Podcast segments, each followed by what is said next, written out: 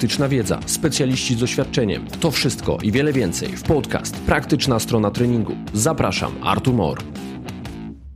Cześć, Gain 2022, Houston, Texas, konferencja dobiega końca, a my witamy Was z ostatecznym podsumowaniem tego, co się działo na konferencji. Mówiąc witamy, mam na myśli siebie oraz Tomasza Gęborysia. Cześć Tomku. Dzień dobry, cześć. E, Tomku, piątek 17 czerwca, Movement Madness, czyli blok trzech zajęć praktycznych. Pierwsze zajęcia praktyczne Brian Fitzgerald Sprint Drills. Co byś o nich powiedział? No i tutaj, tak jak wcześniej, jest wiele, wiele możliwości, wiele opcji. Brian pokazał nam kilka rzeczy, które on wykonuje, a co ważniejsze dla mnie było to, że pracuje właśnie z grupą wielu zawodników, wielu, wielu studentów, także taka organizacja sesji, kiedy masz y, na przykład powyżej 20 osób i musisz przeprowadzić tak zwaną sesję speed, to było, myślę, najważniejszym rzeczą na tej sesji. Jeśli chodzi o taki content, to ponownie nic nowego, aczkolwiek pewne rzeczy można sobie przypomnieć. Tak, ja na pewno z tego obrazu, który był wcześniej, czyli tych e, drilli biegowych, które wykonywał Jimmy Radcliffe, e, czy porównując to z tymi drillami biegowymi, które wykonywał właśnie wspomniany przed chwilą Brian Fitzgerald, to ja widzę w ogóle jakby różną koncepcję myślenia o tych drillach. Ja widzę, że zupełnie inaczej na nie patrzą. Jest duża dowolność, czyli z mojej strony, gdyby ktoś tam przyjechał i miał mały kontakt ze sprintem, to myślę, żeby zobaczył coś takiego, kurde, te drille to jest bardziej takie umowne ruchy, które mają mi w czymś pomóc, ale to nie jest jakiś gold standard, który musimy wprowadzać konkretnie według jakiejś metodologii. To są narzędzia, które możemy, ale nie musimy wykorzystywać i możemy improwizować w nich też. Dokładnie i tutaj zawsze o czym my mówimy na naszych szkoleniach, że drill jako taki to jest właściwie regresja od biegania, ponieważ my no, jako dzieci, jako nawet dorośli biegamy, także cokolwiek robimy innego aniżeli bieganie, e, jest to regresja. Nie jest tak, że musimy zrobić pewne drille, być, być dobrym w pewnych drillach, aby szybko biegać, bo to nie o to w tym wszystkim chodzi. Można szybko biegać bez robienia drilli i też są na to dowody. Tak jest. W bloku popołudniowym Brian przedstawił już analizę biegu analizę kinogramu, analizę techniki biegu. No i znowu, jeżeli byłbym pierwszy raz wyeksponowany na aspekty związane ze sprintem, no to powiem z czystym sumieniem fajnie. No bo było opisane, na co zwrócić uwagę, było rozwianie wielu, wielu mitów, legend, czy ta ręka ma tam iść za siebie, ma być zgięta, wyprostowana, czy ma być zgięcie grzbietowe stopy. Ja w ogóle tego nigdy nie kumałem, nie? Bo ja mówię, dlaczego ma być pełne zgięcie grzbietowe stopy? No bo jest Achilles wcześniej rozciągnięty. No dobra, ale my nie chcemy, żeby on był rozciągnięty, tylko żeby wykorzystać odruch rozciąganie skurcz, nie? A on, ten odruch będzie występował nie bezpośrednio zależnie od poziomu rozciągnięcia tego ścięgna, nie? Więc mówię... Pff. Ja myślę, że ta cała teoria, w którą ja dosyć głęboko wierzę, czyli stopa jako tak jakby wyobrażamy sobie samochód i stopa jest po prostu naszymi oponami, nieważne jak szybki mamy silnik, jak, jak duży mamy silnik, jeżeli będziemy jechać bez powietrza w tych oponach, to niczego nie osiągniemy i ja też e, dosyć dużą uwagę na to przykładam. Aczkolwiek z drugiej strony bardzo ciężko jest to jakby wymusić. Można to próbować powtarzać, można to próbować uczyć, ale jeśli chodzi już o ten bieg, o ten sprint, to ja uważam, że jak uderzamy w podwoże, czyli którą częścią stopy jest dyktowane jednak z jaką prędkością biegamy, mhm. E, także chodzimy, jest pięta palec, później wolny bieg, czasami nawet uderzamy piętą, ale już przy sprincie to, Piąta tak, kość śródstopia, nie? Dokładnie. A to... Teraz kto by pomyślał, jednym ze złamań zmęczeniowych, które występują u sprinterów, właśnie są złamania zmęczeniowe piątej kości śródstopia, nie? Ciekawe no. dlaczego. No chyba dlatego, że uderza właśnie piąta kość śródstopia o podłoże jako pierwsza z największym impaktem.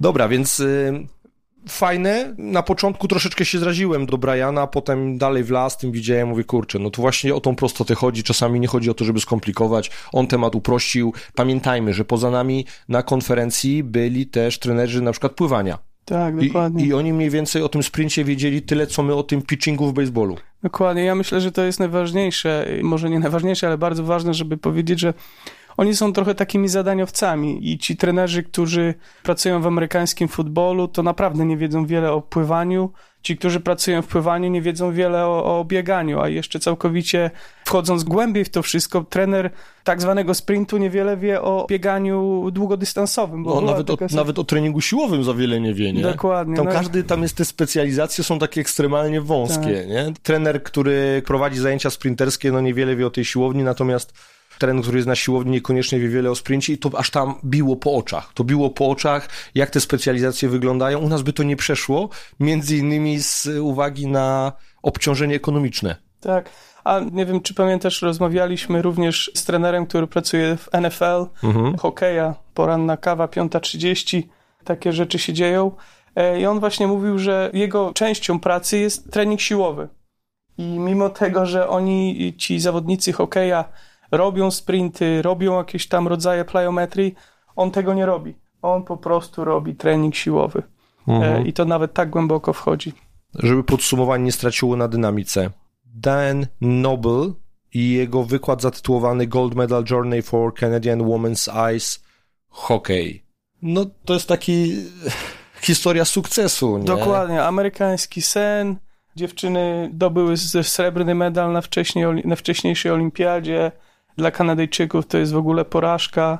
Mamy pandemię. Oni następnie zostaje on trenerem przygotowania motorycznego grupy tych dziewczyn. Tam ich chyba było sześć albo siedem. Już nie pamiętam tak. dokładnie. I w tej jego zadaniu było opieka nad tymi dziewczynami, szczególnie w czasie pandemii i takie fizyczne przygotowanie ich do tego, co nadchodzi. One czasami spędzają razem 300 dni w roku i, i po czterech latach zostają jakby odcięci, może nie odcięci, ale jakby... Pozbawieni możliwości. Wyjazdu na olimpiadę kilka dni wcześniej. No ciężko, ale jak mówię, no... Tak, wiesz co, wiesz co mi się rzuciła jedna rzecz. Czy ty widziałeś kiedyś, żeby tak emocjonalnie już tak ten Den Noble to już tak wybitnie emocjonalnie o tym opowiadał, ale czy w ogóle widziałeś, żeby z tak, tego typu emocjami w Polsce czy nawet w Europie ktoś wypowiedział się na temat procesu treningowego, wieloaspektowości procesu treningowego? Nie, no to ja myślę, że to jest jedna z tych rzeczy, o której my między sobą rozmawiamy, to jest ta właśnie ta idea, jak oni się tymi zawodnikami opiekują, nie tylko na sesji treningowej, ale również po są takimi rodzicami, stają się w ogóle jednymi dużymi y, rodzinami, wszyscy się kochają, wszyscy o siebie dbają, ale oni to potrafią. Tak naprawdę oni to potrafią. Ja uważam, że te filmy, które oglądamy jako dzieci, czy nawet dorośli, jak to wygląda w Ameryce, tutaj po prostu tak jest. Oni wszyscy mówią dużymi słowami, wszystko, co się dzieje, jest duże, jest ważne. Nie wiem, czy zauważyłeś, ale w tym procesie pracy z tymi zawodniczkami również Wen miał swój udział, ponieważ Wen jest takim mentorem. mentorem dokładnie. I tuż po tym wykładzie poszedłem zapytać coś Werna i on miał po prostu też łzy w oczach. Mówi, że to jest część też jego pracy i on tak też się wzruszył. No i, i jako takie cała jakby taka prezentacja była, nie było nic tam technicznego, aczkolwiek z tych filmików, nie wiem czy zauważyłeś, to bardzo fajnie to wyglądało i to wszystko miało sens, ale bardziej chodziło o to, że on się po prostu musiał zająć tymi dziewczynami pod innym względem, mhm. aniżeli tylko fizycznym. Mhm. Na koniec dnia Dan wrócił, wrócił razem z Kevinem Bakerem oraz Elizą Parks. Eliza Parks to zawodniczka krykieta tak. E, australijska oraz y, futbolu tak. australijskiego. Taka sportswoman e, z talentem do wielu sportów, e, wielu sportów w życiu spróbowała i za co by się nie chwyciła, tam osiągała zawsze jakieś sukcesy. W tych dwóch sportach na ekstremalne sukcesy. Mój pierwszy kontakt na konferencji z nią taki trochę przypadkowy, kiedy byliśmy na zajęciach gimnastyki w pierwszy dzień i na tych zajęciach Chris Webb dobrał mnie z nią w parze, mówi ok, ty tą gimnastykę lepiej ogarniasz, Eliza gorzej, zróbcie w parze, nie? I tam mieliśmy zrobić sekwencję, przewrót przód, jakiś tam podpór do takiego stania e, mini na rękach, i ja widziałem, że ona taka średnio, kurde, ogarnięta trochę była. Ja tak mówię no. nagle, o kurde, pewnie na pierwszej konferencji jest jakaś młody, początkujący trener tak. w ogóle. Tam thank you Eliza, good job. I potem się okazało, że dziewczyna wychodzi na tą scenę. Zresztą to już się okazało potem w kuluarach, ale siada na scenie i okazuje się, że, że ona widziała w tym sporcie od strony zawodnika no, nieporównywalnie więcej, aniżeli wielu, z którymi miałem styczność. Przy okazji influencerka na Instagramie, prawie milion obserwujących, więc trochę taka gwiazda A widzisz, tak, no. Tak, jest to taka gwiazda w, w Australii i ze względu na to, że my, ja osobiście nawet też niewiele wiem o krykecie, ale jest to wielka osoba, w cudzysłowie. No i tutaj też fajne było, jak ona była w stanie opowiedzieć, powiedzieć, jak to wygląda ze strony zawodnika, cała presja, co oni potrzebują, że czasami to ci ludzie, którzy dyktują, co oni powinni robić, a nie powinni robić, jak powinien wyglądać ten cykl treningowy, sesja treningowa, nigdy nie obserwują ich w czasie treningu. Czyli ci trenerzy to są zazwyczaj te osoby, które są takimi dostarczycielami tych założeń głównych z osobami ponad nimi. I to czasami jest, z mojej strony jest to takie, no słabe, że tak powiem, mhm. bo jednak trenujemy człowieka, no i musimy myśleć o, o jakichś tam aspektach ludzkich, tak? Tak jest. I to dosyć fajnie się łączy, to co teraz powiedziałeś o tym, o tej roli trenera w całym tym procesie z perspektywy zawodnika. Łączy się fajnie z wykładem, który był dnia drugiego, właściwie dnia kończącego konferencję, wykład zatytułowany Developing Real Toughness for Athletes Steve Magnus. Ty na ten wykład czekałeś, ty czytałeś książkę przed konferencją Steve'a Magnesa. Ja tej książki nie przeczytałem, ale wykład, wykład ok. Co byś powiedział o nim? Tak, no ja Steve'a słyszałem kilka lat temu na konferencji w UKSA w Wielkiej Brytanii. On był związany z tym sławnym projektem Oregon. Mm, chodzi o tą aferę dopingową tobie. Tak, tam była duża afera dopingowa. Bardzo ciekawa osoba na pewno, bo też sportowiec e, na wysokim poziomie, następnie trener też na dosyć wysokim poziomie, a teraz jest tą osobą, która naprawdę wchodzi, pracuje i próbuje zadawać pytania, jeśli chodzi o stres, ten pozytywny, ten negatywny. Jego książka Peak Performance, którą czytam co najmniej dwa razy w roku, bo jest to takie bardzo proste wyjaśnienie pewnych aspektów, nie tylko jeśli chodzi o trening, ale również tych aspektów życiowych, jeśli chodzi o stres. Jak dla mnie bardzo ciekawa osoba, już nie mówiąc o sposobie prezentacji, bo naprawdę fajnie to wyglądało, naprawdę fajnie się słuchało. Dosyć trudne zagadnienia, przetłumaczone, przełożone na prosty sposób i ja myślę, że o to w tym wszystkim chodzi, bo mhm. nie jesteśmy psychologami, ale jakąś tam wiedzę na ten temat tak. powinniśmy mieć. Dwie rzeczy myślę warto o tym wspomnieć ja przynajmniej tak zapamiętałem. No to pierwsza rzecz, że to podejście do zawodnika, które motywuje go w formie takiej zewnętrznej motywacji, dostarczanie mu zewnętrznej motywacji, czyli po prostu darcie ryja na niego, tam jeszcze jedna tak pompka, jest. jeszcze jedna da żadę, to, to jest przestarzały model i obarczony tym ryzykiem, że to działa tylko wtedy, kiedy jest ten external motivator, nie? Czyli kiedy jest ten trener, trener który drży ryja.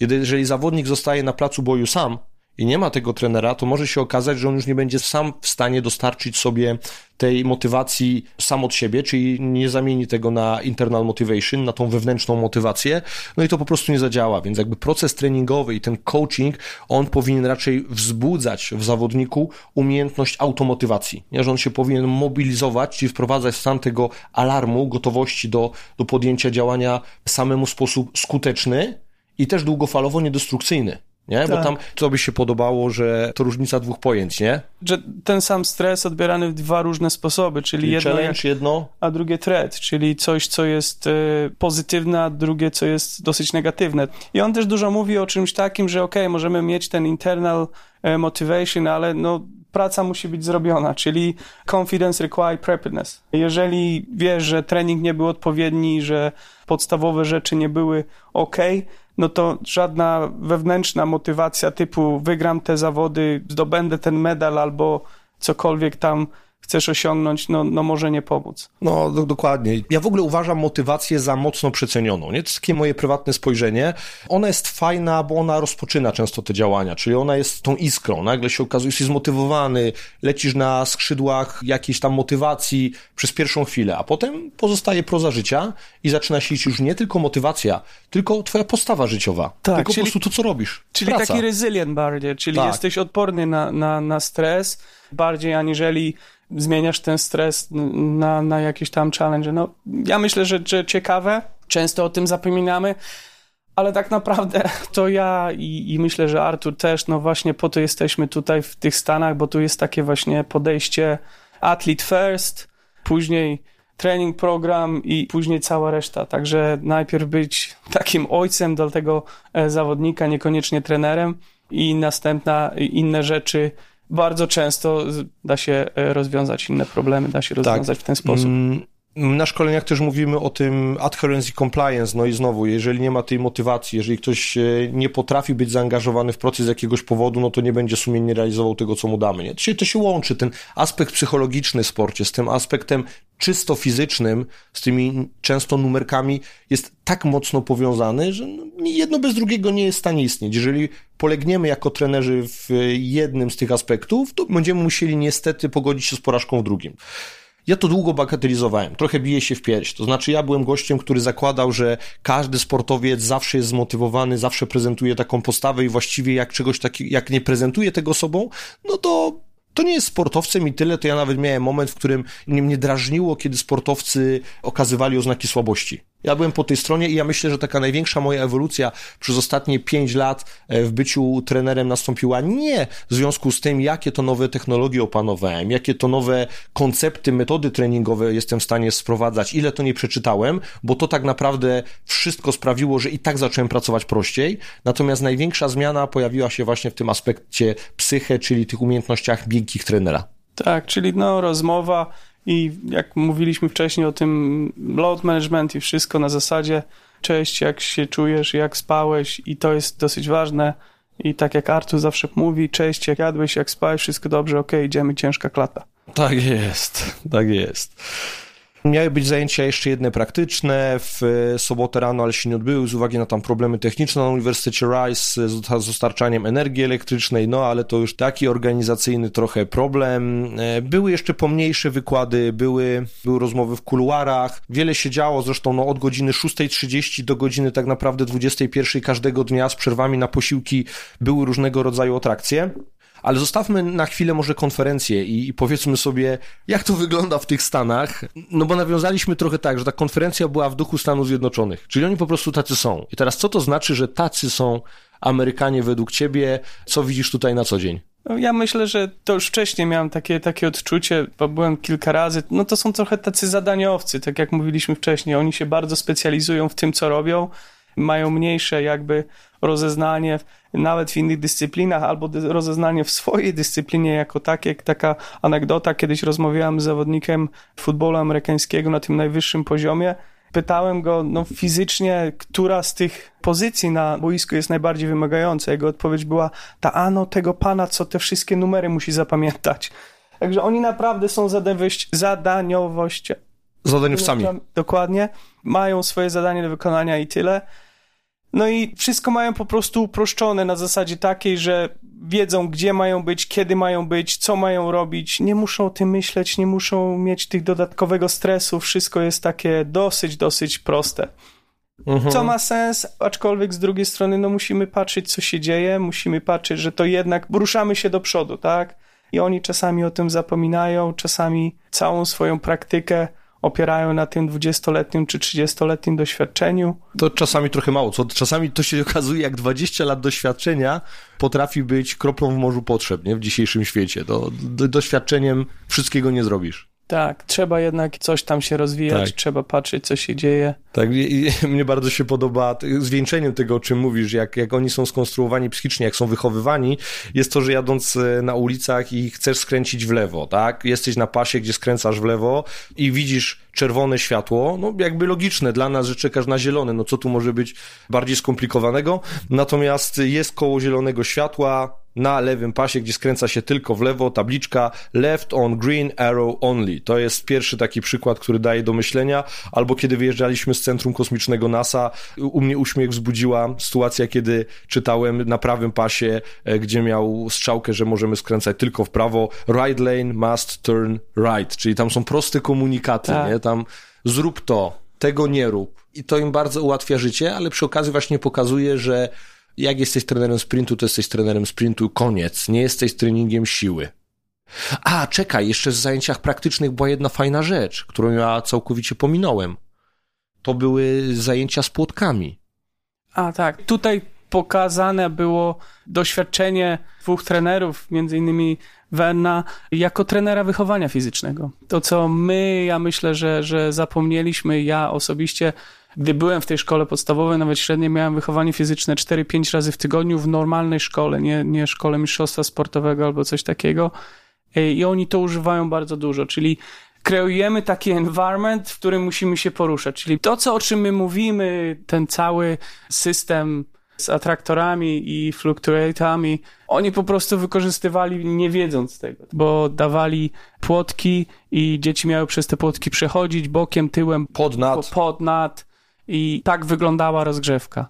I on nadal to, nawet pracując z topowymi zawodnikami, nadal mają dzień, w którym po prostu robią 20 minut płotków. Tak, i gdybym miał powiedzieć, jak ja poczułem tą pracę na płotkach, super. Jeżeli chodzi o taką mobilizację, tak, no, mobility, flexibility, taką elastyczność tych bioder, zakresy ruchu w biodrach, genialna sprawa. W kontekście tych wszystkich growing pain in sport, bez względu czy to czy tyczących się właśnie biodra, czy przywodzicieli, czy którejkolwiek kategorii z tej grupy kontuzji, to robi to robotę. Czyli ja czułem, że te biodra dostały dobry impact, a nie robiłem żadnych carsów, palesów, race'ów, nie robiłem tego. To było bardzo niespecyficzne, z dużą dozą dowolności ruchowej, czyli ja mogłem stosować strategię tak, jakie chciałem do tych zadań na tych płotkach i według mnie robi to robotę. To jest właśnie to doświadczenie, o którym czasami jak się czyta prace naukowe się zapomina. Nie? Tak. Po prostu zapominasz tego, że masz płotki, nie? że możesz zrobić proste ćwiczenia, przejść pod płotkiem, nad płotkiem i nagle się okazuje, jak zrobisz to w kilku seriach, kilku powtórzeń, ktoś powie, ale mam dobrze rozgrzane biodra, nie? Tak jest. Ta prostota, ja myślę, to też przemawia za tutaj za nimi, za trenerami w Stanach, że oni mają to opanowane, wiedzą jak to robić, gdzie to robić, kiedy to robić i to jest myślę, że bardzo ważne. Czy ty poleciłbyś konferencję Gain y, początkującemu trenerowi? Mm, nawet bardzo. Myślę, że nawet bardzo, szczególnie początkującemu trenerowi z Europy, bo jednak jest to no, inny świat. Można tu naprawdę wiele się nauczyć. A co ważniejsze, tak jak tak my osobiście, nawiązać fajne kontakty. Teraz już wiemy, że jeżeli potrzebuję kogoś od hokeja, no to wiem, gdzie się odezwać. Kogoś od Bobingtona, no to był chłopaczek ze Szwajcarii pracujący z Duńczykami, także no, no ci topowi jednak przyjeżdżają tu. Tak. I no ciekawe, na pewno jest mhm. ciekawe. Na pewno są początkująca tak, ja bym powiedział więcej. Tak jak powiedziałeś, zwłaszcza z Europy, ja bym powiedział nawet doświadczony trener z Europy, który raczej kisił się na własnym podwórku, tylko powinien to zobaczyć, bo to jest inny zupełnie styl coachingu i ta perspektywa daje do myślenia. Nie trzeba od razu pójść tylko w to i, i, prowadzić takiej narracji, ale warto by to zobaczyć. Ja na pewno, to co zawsze też doceniam, tam było wielu różnych wykładowców jakość merytoryczna tych wykładów była czasami bardzo dobra, czasami trochę gorsza, jak to na konferencjach różnie się działo. Natomiast wszyscy byli przynajmniej niezłymi, a większość dobrymi mówcami. Oni po prostu potrafią gadać. Oni potrafią mówić, tak, tak, tak jak czasami, mówię. czasami o niczym, nie? Ale... No, no, jak można mówić o jednej rzeczy, czasami robią trzy, cztery zdania i powtarzają to samo w inny sposób. Wiesz, ja nawet w rozmowie teraz z tobą, którą nagrywamy, już wiem, że kilka razy powtórzyliśmy gdzieś podobny wątek, nie? I mi jest już z tym źle. Oni nie mają z tym problemu, oni jeszcze odwracają to w zwycięstwo, nie? Oni tak. jeszcze, że to trzeba powtórzyć. Bo to jest nacisk, to właśnie tak. na to robię nacisk i to, to, jest, ważne. ważne. Tak, to jest ważne. Tak, jeszcze za każdym razem powiesz to z większym ładunkiem emocjonalnym i nagle się okazuje, że, że mówiłeś o, zresztą my się śmiejemy i co chwila sobie mówimy, że ten e, facet od pitchingu, który był, no tak. nie? On powiedział tam w rozmowie z jednym tam zawodnikiem, że on pod, i tam jeszcze z resztą sztabu szkoleniowego i on w tym momencie do nich wyszedł i on podjął ten executive decision, nie? On podjął tą decyzję i, i ten executive decision w ciągu trzech minut padło no przynajmniej z 15 razy, no. Tak, że to, to była po prostu taka całkowita zmiana. To było to, co spowodowało to, że on później wrócił i był najlepszy, czyli ten American Dream, nie? No, American tak. Dream. Tak, executive decision. I właśnie teraz ja, Tomasz, e, executive decision podejmuję i mówię, kończymy nagrywać, miało być krótkie podsumowanie, a my już zaczynamy trochę za dużo jaj robić, więc za, tak. za wesoło, a, a, za mało merytorycznie. Konferencję Gain polecamy, e, relacje z Gain kończymy. Dodatkowo jeszcze udało nam się złapać Werna Gambetta i nagraliśmy z nim 12 minut rozmowy między wykładami, kilka prostych pytań do niego, natomiast jeżeli chcielibyście posłuchać wypowiedzi bezpośrednio Werna w kontekście tego, o co go zapytaliśmy, to zapraszamy do ostatniego, czwartego odcinka specjalnego podcastu z podsumowaniem konferencji Gain. Tomasz, to był dobry wyjazd. Też tak myślę. Trzymajcie się, do zobaczenia. Cześć, hej. Cześć.